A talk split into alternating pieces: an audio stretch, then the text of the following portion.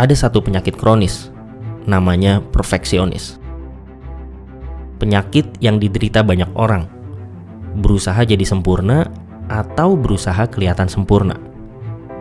Perasaan aneh yang kalau lo ikutin cuma jadi penghalang. Iya, tulisan gue bisa lebih bagus. Iya, postingan gue masih bisa diperbaiki. Iya, podcast gue masih bisa diimprove.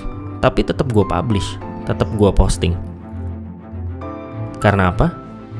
Karena menunggu sempurna cuma menghalangi dari berproses. Yang penting buat gua, progres. Tiap bikin karya, mindset gua, gua nggak perlu bikin karya yang sempurna. Gua cuma perlu bikin karya yang lebih baik dari sebelumnya.